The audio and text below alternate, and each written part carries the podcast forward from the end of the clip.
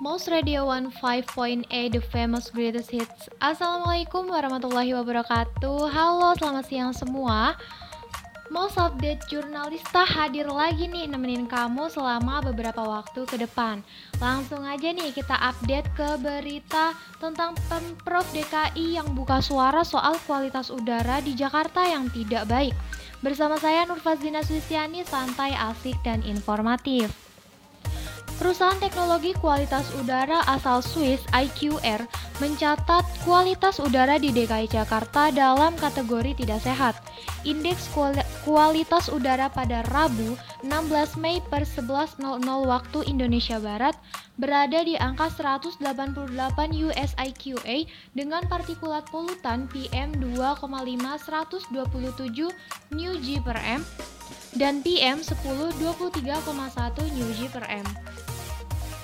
Terkait hal ini, Humas Dinas LH DKI Jakarta, Yogi Ikhwan membenarkan bahwa kualitas udara Jakarta saat ini memang sedang tidak baik. Beliau juga mengatakan bahwa sejak dini hari, kelembapan di daerah Jakarta sangat tinggi dengan suhu yang suhunya yang sangat rendah. Akibatnya polutan pencemar udara terakumulasi di lapisan troposfer. Hal ini terlihat dari pantauan udara di Stasiun Pemantauan Kualitas Udara atau SPKU yang berlokasi di Bundaran HI, Kelapa Gading, Jagakarsa, Lubang Buaya, dan Kebon Jeruk. Berdasarkan website iqr.com, konsentrasi PM 2,5 tercatat 25,4 kali lebih tinggi dari paduan tahunan kualitas udara yang ditetapkan oleh WHO.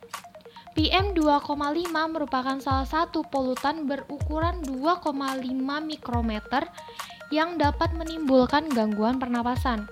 Dalam kondisi udara saat ini, IQR merekomendasikan masyarakat untuk tidak dulu melakukan aktivitas di ruang publik dan tetap memakai masker saat di ruang terbuka. Oke, thank you untuk informasi terupdate-nya. Kita akan kembali lagi setelah yang satu ini.